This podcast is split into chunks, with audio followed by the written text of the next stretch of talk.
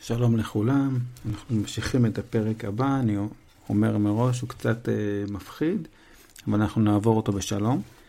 סיפרנו בפעם הקודמת אה, גם על המילה בוץ דמים, שמלפוי כינה את הרמיוני, שבוץ דמים זה כינוי לאנשים שהם לא באו ממשפחות של קוסמים, הדם שלהם לא טהור, שההורים שלהם קוסמים, אלא הם באו ממשפחות של מוגלגים, כמו לדוגמה הרמיוני. וגם סיפרנו שהארי שמע קולות מוזרים כאלה, שלוקהארט שהיה לידו לא שמע אותם. אנחנו ממשיכים את הפרק, את הפרק הנוכחי.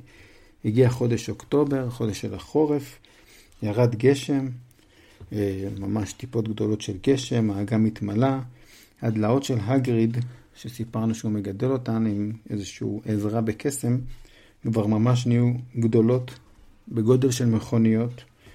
וווד, אוליבר ווד, הקפטן של הקווידיץ', המשיך, הוא המשיך אה, לארגן אימוני קווידיץ' למרות מזג האוויר ולמרות ככה שהיה קר וגשום.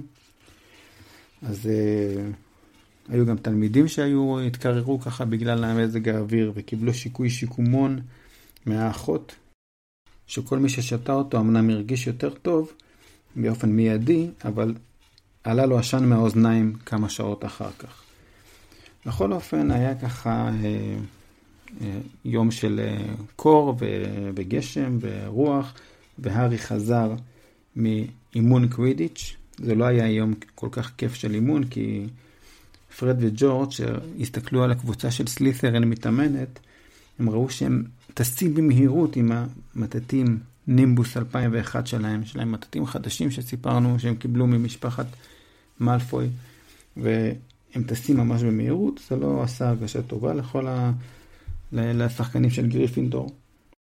בכל אופן, ארי חזר מהאימון, כולו נוטף מים, הלך במסדרון, ופתאום הוא עבר על פני מישהו שנראה גם הוא מוטרד. המישהו הזה היה ניק כמעט בלי ראש, שזה רוח רפאים, רוח הרפאים של מגדל גריפינדור, שיש לו ראש, אבל הוא מחובר קצת לצוואר. והוא גם היה מוטרד. אז אה, הארי אמר לו שלום ניק, וניק אמר לו שלום שלום. וככה הם דיברו ביניהם, וניק אמר לו, אני רואה שאתה מוטרד, פוטר הצעיר. והארי אמר, אני רואה שגם אתה מוטרד. וניק סיפר לו שיש איזושהי תחרות של אה, רוחות רפאים, שרק מי שבכלל בלי ראש יכול להצטרף לתחרות הזאת, והוא לא יכול להצטרף, כי יש לו ראש שקצת מחובר. ומי שכתב לו את המכתב, הוא קיבל מכתב מסר פטריק דלייני פודמור, שהוא כתב לו שהוא לא יכול אה, להשתתף בתחרות. זה מה שגורם לניק להיות ככה עצבני ועצוב.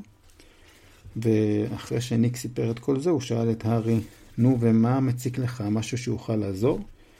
הארי אמר לא, אלא אם כן אתה יודע איפה אפשר להשיג בחינם שבעה מטאטי נימבוס 2001 למשחק שלנו נגד סליף הוא רצה, זה הרי מה שהטריד אותו, שלסלית'רין יש מטטים חדשים, ולגריפינדור לא, וזה, הוא רצה לשתף את, ניר, את ניק במה שמטריד אותו.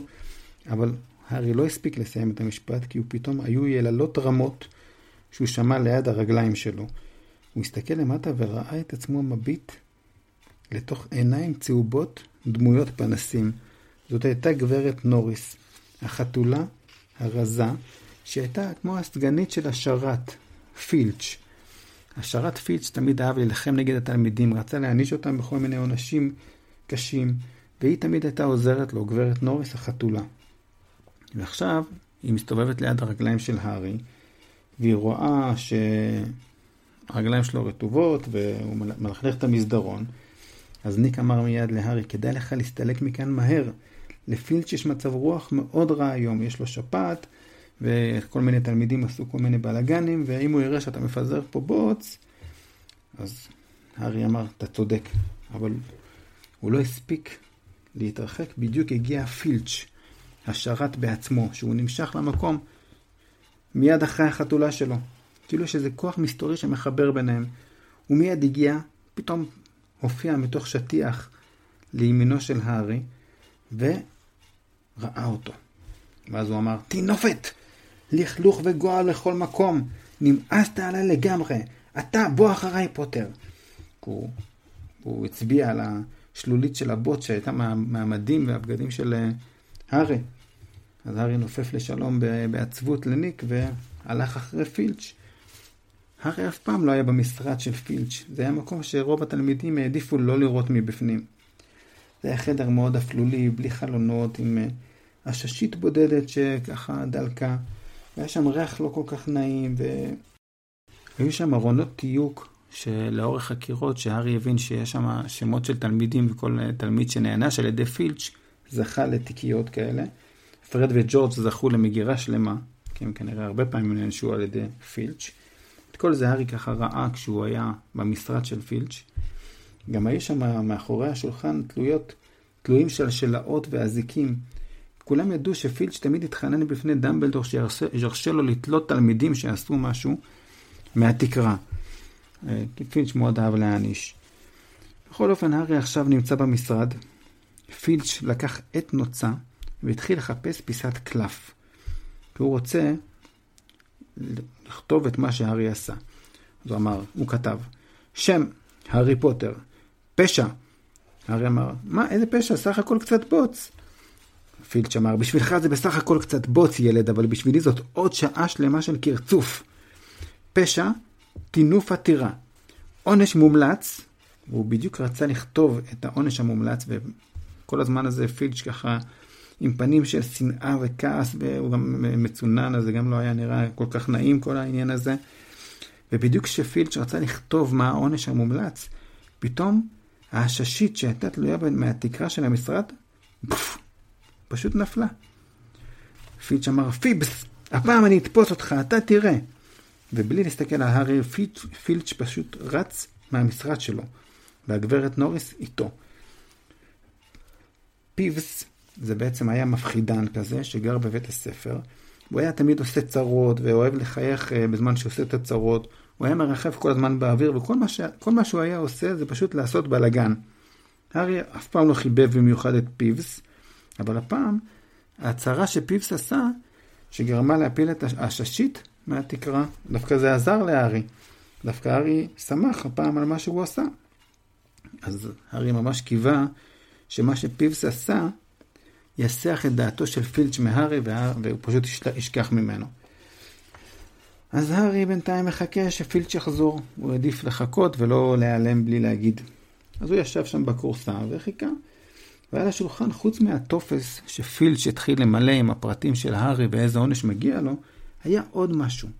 הייתה שם מעטפה גדולה סגולה, מנייר מבריק, ועליה הייתה כתובת. הארי הסתכל רגע על הדלת לראות שפילץ' לא חוזר, לקח את המעטפה וקרא מה כתוב עליה. שצף כשף, קורס קסמים בהתכתבות למתחילים. הארי פתח את המעטפה, שלף מתוכה חפיסת דפי קלף, ובעמוד הראשון היה כתוב שמה, באותיות כסופות ומסולסלות. האם אתם מרגישים שאינכם עומדים בקצב של עולם הקסם המודרני?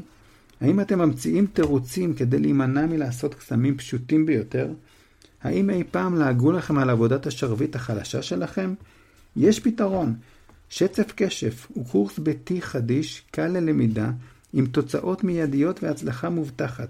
מאות מכשפות וקוסמים כבר הגיעו להישגים מדהימים עם שיטת שצף כשף. ושם היו סיפורים של כאלה תלמידים שלמדו בשיטה הזאת. למשל מישהי שכתבה, שאמרה, הייתי מתבלבלת מכל לחש והשיקויים שלי היו בדיחה משפחתית. עכשיו, אחרי קורס של, שצף כשף, אני מרכז תשומת הלב בכל מסיבה, וחברותיי מתחננות שאחלוק עימן את המתכון לחליטת החן שלי. מכשף נוסף כתב, אה, כתוב שם שהוא נותן המלצה ואומר, אשתי הייתה מעקמת את האף על הכשפים החלושים שלי, אך תוך חודש מיום שהתחלתי בקורס של שצף כשף, הצלחתי להפוך אותה לעז. תודה לכם, שצף כשף. ככה ארי המשיך להסתכל ולקרוא במעטפה, והוא פתאום חושב לעצמו, למה פילץ' מתעניין בקורס של שצף כשף? מה, הוא לא קוסם אמיתי? ארי הבין מזה שבעצם הוא לא קוסם אמיתי, אם הוא רוצה ללמוד קסמים למתחילים. איך זה יכול להיות?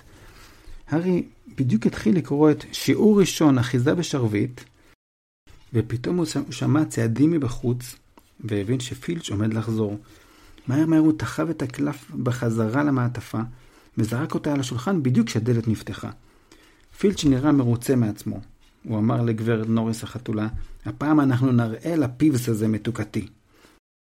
ואז הוא הסתכל על ההארי, ואז הוא הסתכל על המעטפה של שצף כשף, והארי הבין, קצת באיחור, שהמעטפה מונחת במקום אחר מאיפה שהיא הייתה קודם, קצת רחוק מאיפה שהיא הייתה קודם.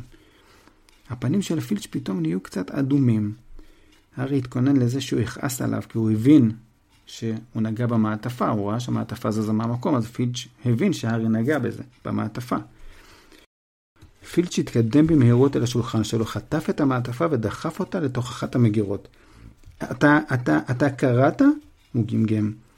לא, שיקר הארי מהר. פילץ' ככה חיכך את הידיים שלו אחת בשנייה ואמר, אם הייתי חושב שאתה קראת את הדואר הפרטי שלי, אה, לא שלי, של חבר, בכל זאת, למרות זאת, הארי הסתכל בו מבוהל, והוא לא ידע מה, מה לעשות.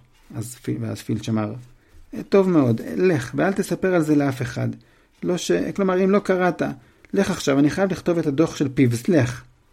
וככה בעצם פילץ' אמר להארי ללכת, והארי לא האמין למזל שקרה לו, ופשוט יצא מהמשרד במהירות. הוא, היה, הוא רץ לאורך המסדרון ועלה בחזרה למעלה.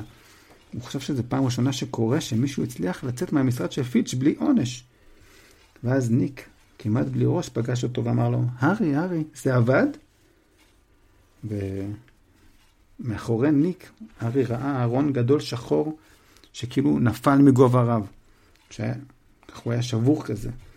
וניק אמר, שכנעתי את פיבס להפיל אותו בדיוק מעל המשרד של פילץ'. חשבתי שזה עשוי להסיח את דעתו. הרי אמר, זה היית אתה? כן, זה עבד, לא קיבלתי אפילו עונש קטן, תודה ניק. בעצם ניק שכנע את פיבס להפיל את הארון הזה, כדי שתיפול העששית, ובעצם זה יגרום להארי להינצל מעונש, וזה באמת עבד. אז ככה הארי אה, ניצל מהעונש, ועכשיו הוא הולך יחד עם ניק, והוא אמר לו, הארי אמר לניק, אני מצטער שאני לא יכול לעזור לך בעניין התחרות שאתה לא יכול להשתתף בה. ניק אה, עצר, והארי, שהמשיך ללכת, עבר בדרכו בטעות. עבר דרכו בטעות, כי היה רוח רפאים, אפשר היה לעבור דרכו. זה היה לא כל כך נעים, זה כמו לעבור דרך מקלחת של מים קפואים. ואז ניק אמר, דווקא יש משהו שתוכל לעשות בשבילי. אה, אולי זאת בקשה גדולה מדי, אבל אה, אולי... אה, הארי אמר, מה, מה הבקשה? אז ניק אמר, טוב, אה, בעוד אה, כמה ימים יהיה יום המוות החמש מאות שלי. זאת אומרת, בדיוק היום שהוא מת בו, הוא מציין את זה, כמו שהוא חוגג, במקום יום הולדת, הוא חוגג את היום שהוא מת בו. אז הוא אמר, יהיה, בעוד כמה ימים יהיה יום המוות החמש מאות שלי. והארי אמר, מעניין. וניק המשיך, אני עושה מסיבה באחד ממרתפי העינויים הגדולים למטה. יבואו חברים מכל קצוות הארץ. זה יהיה כבוד גדול מאוד בשבילי אם תסכים להשתתף. כמובן גם אדון ויזלי והעלמה גריינג'ר, חברים שלך, מוזמנים בחום. אתה בטח אבל תעדיף ללכת לסעודה החגיגית שתהיה באותו יום בבית הספר, נכון? הרי אמר, לא, לא, אני אבוא. אז ניק אמר, איזה נער טוב, הארי פוטר מגיע למסיבת יום, יום המוות שלי. אה, אתה חושב שתוכל איכשהו במקרה להזכיר באוזני סר פטריק עד כמה אני מפחיד ומרשים בעיניך? הרי אמר, כמובן. וניק, כמעט בלי ראש, חייך אליו. בעצם הרי עכשיו הוזמן למסיבה מוזרה, ומסיבת יום המוות של ניק, וגם באותה הזדמנות הוא צריך לדבר על, אה, עם אותו סר פטריק, אותו אחד שלא קיבל את ניק לתחרות. יותר מאוחר, אחרי שהארי החליף את הבגדים סוף סוף, אה, וישב עם רון והרמיוני בחדר המועדון של גריפינדור, הוא סיפר להם על המסיבה שהם מוזמנים אליה. והרמיוני אמרה, מסיבת יום מוות? בטח אין הרבה אנשים חיים שיכולים להגיד שהם היו במסיבה כזאת, זה יהיה מרתק. ורון אמר, למה שמישהו ירצה לחגוג את היום שבו הוא מת? זה נשמע לי מדכא עד מוות. וככה הם ישבו במועדון, והיה גשם, ופרד וג'ורג' עשו איזה תעלול, ובגלל כל הבלגן הזה, הארי לא הספיק לספר לרון והרמיוני על פילץ' ועל הקורס של שצף כשף. ובגלל הבלגן, הארי פשוט שכח מזה ולא סיפר את הסיפור הזה לרון והרמיוני. וכשהגיע אותו יום, שהסעודה החגיגית בבית הספר, ובאותו יום גם מסיבת יום המוות של ניק, הארי כבר התחרט על ההבטחה שלו לבוא למסיבה, למסיבת יום המוות, הוא רצה ללכת לסעודה חגיגית בבית הספר, אבל הוא נאלץ ללכת כי הוא הבטיח. וכשבשעה שבע בערב, הארי, רון והרמיוני הלכו לכיוון המרתף, למסיבה של ניק.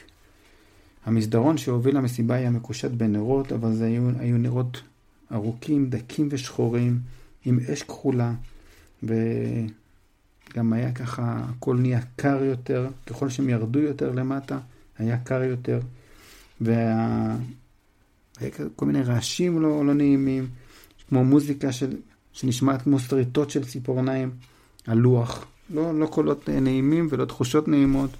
כשהם הגיעו למסיבת יום המוות, ניק כמעט בלי ראש אמר, ידידיי היקר, היקרים, ברוכים הבאים, אני כל כך שמח שבאתם.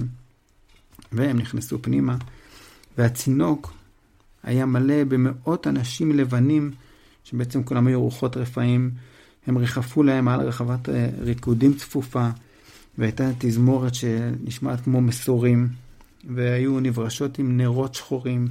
לא נעים בכלל, לא אווירה נעימה ולא נראה נחמד. היו שם כל מיני אה, רוחות רפאים, היה שם את הברון המגועל שהוא רוח רפאים אה, שכולם ככה נרתעו ממנה, היא הייתה מפחידה יותר מכולם. ו... ואז הרמיוני אמרה, אוי לא, אחורה פנה, אחורה פנה, אני לא רוצה לדבר עם מרתל המייללת. הרי אמר, עם מי? הרמיון אמרה, זאת רוח רפאים שהיא נמצאת בחדר השירותים של הבנות בקומה הראשונה. אז הם שאלו אותה, מה, היא רודפת שירותים? היא נמצאת בשירותים? אז הרמיוני אמרה, כן, כל השנה הם מקולקלים, כי היא כל הזמן נעלבת ומציפה אותם. אז בעצם יש שם רוח רפאים שנמצאת בשירותים של הבנות כל הזמן. והרמיוני המשיכה להגיד שלא לא, לא נעים להיכנס לשירותים האלה, שהיא כל פעם מייבבת שם, עושה קולות ולא נעימים. ורון פתאום ראה שיש אוכל, והיה שם שולחן ארוך, והם התקרבו לאוכל, הם רצו סוף סוף לאכול, אבל האוכל שם היה ממש, ממש נורא, עם ריח נעים, לא נעים, והכל רקוב, והכל אה, שרוף, ממש, ממש ממש אוכל לא טוב ולא, ולא נעים. הייתה שם גם עוגה שהיה כתוב עליה בצבע שחור, סר ניקולס דה מימסי פורפינגטון, מת ב-31 באוקטובר 1492. והארי הסתכל ככה על איזה רוח רפאים שהתקרב לשולחן, התכופף והמשיך ללכת. הוא עבר ככה, עבר דרך האוכל והמשיך ללכת. הארי שאל אותו, אתה יכול לטעום כשאתה עובר דרך האוכל? הרוח אמר, כמעט, בקול עצוב. אז הרמיוני אמרה, אני מניחה שהם נותנים לזה להירקב כדי שיהיה לזה טעם חזק יותר. ככה בעצם רוחות, רוחות הרפאים יכולים ליהנות מהאוכל. והם המשיכו ללכת, הם התרחקו משם, ופתאום הם ראו בין כל רוחות הרפאים מישהו שהיה דווקא שמח, עם פנים, עם חיוך רחב על הפנים, וחיוך מרושע כמו תמיד, שזה היה פיבס, פיבס המפחידן, שתמיד אוהב לעשות צרות ולעשות בלאגן, ובכל מקום שהוא נמצא, הוא מנסה לעשות בלאגן. ואז הוא פתאום התקרב אליהם ואמר, שמעתי אתכם מדברים על מרתל המסכנה. לא יפה איך שדיברתם על מרתל המסכנה. ואז הוא צעק, היי, שם, מרתל! בעצם קרא לה. והרמיון אמרה, לא, לא, פיבס, אל תגיד לה מה אמרתי, נורא תיעלב, לא התכוונתי, בעצם, אה, לא, אה, אה, שלום מרתל. רוח רפאים של ילדה התקרבה אליהם. הפנים שלה היו הפנים הכי עגומים שארי ראה בחיים שלו. היה לה שיער דמוי קש ומשקפיים, והיא בדיוק התקרבה, כי פיבס קרא לה. ואז היא אמרה, מה? בקול מלא רחמים עצמי, עצמיים. הרמיון אמרה, כאילו בעליצות ובשמחה, מה שלומך מרתל? נחמד לראות אותך מחוץ לחדר השירותים. ופיבס אמר, העלמה גרנג'ר בדיוק דיברה עלייך. הרמיון אמרה, רק אמרתי שאת נראית ממש נחמד הערב. והסתכלה על פיבס במבט מאיים. אבל זה לא עזר כי מרתל הבינה. היא הסתכלה בהרמיוני בחשדנות ואמרה, את לועגת לא לי. ודמעות כסופות התחילו לעלות בעיניים שלה. הרמיוני אמרה, לא, לא, באמת, נכון שאמרתי הרגע כמה מרתל נראית נחמדה הערב? רון והארי אמרו, כן, כן. מירטל אמרה, אל תשקרו לי, אתם חושבים שאני לא יודעת איך אנשים קוראים לי מאחורי הגב? מירטל המכוערת, מירטל המייללת, מירטל הבכיינית. פיבס אמר, שכחת להגיד מירטל המחוצ'קנת. ואז מירטל המייללת פרצה בבכי ונמלטה מהחדר, ופיבס רץ אחריה ואמר, מחוצ'קנת, מחוצ'קנת. הוא היה מאוד מאוד לא נחמד, פיבס. והרמיוני ככה ממש הצטערה על מה שקרה. באותו רגע ניק התקרב אליהם בריחוף ואמר, אתם נהנים? אמרו, כן, כן, הם שיקרו. ניק אמר, לא רע, מה? טוב, כמעט הגיע הזמן שלי לשאת את הנאום, כדאי שאלך להודיע לתזמורת. באותו רגע באמת התזמורת הפסיקה לנגן, כי פתאום נכנסו סוסים, רוחות של סוסים, ועליהם, על כל אחד מהם היה, היו פרשים שהם היו רוחות רפאים. הקהל התחיל למחוא כפיים, וגם הארי התחיל למחוא כפיים, אבל הפסיק כשהוא ראה את הפנים של ניק. כי מי שהגיע אז היה סר פטריק, אותו סר פטריק שלא קיבל אותו לתחרות עם עוד חברים, ואותו סר פטריק אמר, ניק, מה שלומך? והוא צחק ככה בקול, וניק אמר בלי לחייך, ברוך הבא פטריק. כשסר פטריק ראה את הארי, הוא אמר, או, אנשים חיים. הוא הסתכל על הארי, רון והרמיוני. הוא עשה כאילו, כאילו שהוא קופץ מרוב תדהמה, וככה הצחיק את כולם, וככה הקהל ככה הקשיב לו, והארי בדיוק אמר, אה, לדעתי ניק הוא נורא מפחיד ו... כמו שניק ביקש ממנו להגיד. אז סר פטריק אמר, אה, בטח הוא ביקש ממך לומר את זה.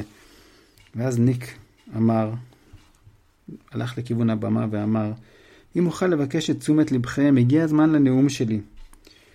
והתחיל להגיד, גבירותיי ורבותיי, חבריי, זיכרונכם לברכה, בצער רב אני, אבל הוא לא המשיך לדבר כי סר פטריק והחברים שלו המשיכו עם כל מיני משחקים וכל מיני דברים ככה, וכל הקהל התייחס אליהם במקום להקשיב לניק. ולהארי כבר היה מאוד קר והוא כבר היה רעב, ורון אמר, אני, אני לא יכול לסבול עוד הרבה מזה. והם החליטו ללכת. והם ככה, תוך כמה דקות, יצאו כבר החוצה, ורון אמר, אולי עוד לא חיסלו את כל המנות האחרונות, אולי הם יספיקו לאכול עם הסעודה של כולם. ואז, כשהם התחילו ללכת לכיוון המדרגות, ארי עוד פעם שמע את הקול הזה שהוא כבר שמע קודם. לקרוע, לשסף, להרוג. זה היה הקול הזה, הקול שהוא שמע במשרד של לוקהרט. הוא עצר לרגע, הקשיב, ושאלו אותו חבריו, הארי, מה אתה? הרי אמר, זה עוד פעם הקול הזה, תהיה בשקט רגע. כל כך רעב, כל כך הרבה זמן. הארי אמר, תקשיב. רון והרמיוני עמדו במקום, הסתכלו עליו, והארי שומע, להרוג, הגיע הזמן להרוג. לאט לאט הכל הלך ונחלש, שהארי היה בטוח שהכל מתרחק מהם, מתרחק כאילו לכיוון למעלה. הוא לא הבין איך יכול להיות שהכל הולך לכיוון למעלה. ואז הוא אמר לחברים שלו, לכאן, והתחיל לרוץ במעלה המדרגות, כי הוא רצה אולי למעלה לשמוע את הקול הזה. אבל היה שם רעש מהסעודה שהייתה באולם הגדול. הארי המשיך לעלות במדרגות, אירון והרמיוני אחריו. הם לא מבינים מה הוא שומע, הם מנסים לראות מה, מה הוא רוצה. אמרו לו, הארי, מה אנחנו? הוא אמר להם, ששש. הוא הקשיב טוב טוב. הוא עדיין שמע את הקול מהקומה שלמעלה. אני מריח דם, אני מריח דם. ואז הארי אמר, זה הולך להרוג מישהו. רון והרמיוני לא הבינו על מה הוא מדבר, אבל הם המשיכו לעלות אחריו במדרגות. ורון אמר, הארי, מה קרה לך? אני לא שמעתי כלום. אבל הרמיוני פתאום הצביע לקצה המסדרון, ואמרה, תראו. היה משהו זוהר על הקיר מולם.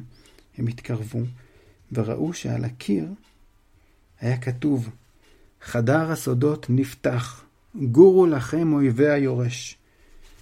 ורון אמר, רגע, מה הדבר הזה שתלוי מתחת? הם התקרבו עוד קצת אל הקיר, ואז הם ראו, הרצפה הייתה שלולית של מים, ולמעלה, מתחת לכתובת, הייתה שם חתולה, גברת נוריס, החתולה של השרת.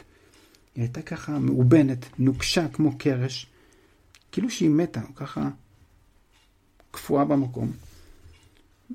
ורון אמר, אנחנו צריכים להסתלק מכאן. הרי אמר, לא כדאי שננסה לעזור? רון אמר, סמוך עליי, לא כדאי שימצאו אותנו כאן. אבל כבר היה מאוחר מדי, כי היה פתאום רעש ש... של תלמידים שמגיעים, הסעודה בדיוק הסתיימה. והתחילו להישמע קולות של צעדים שמתקרבים במדרגות, קולות של דיבורים ושל פטפוטים, ותלמידים התחילו להתקרב. אבל פתאום כולם נהיו בשקט.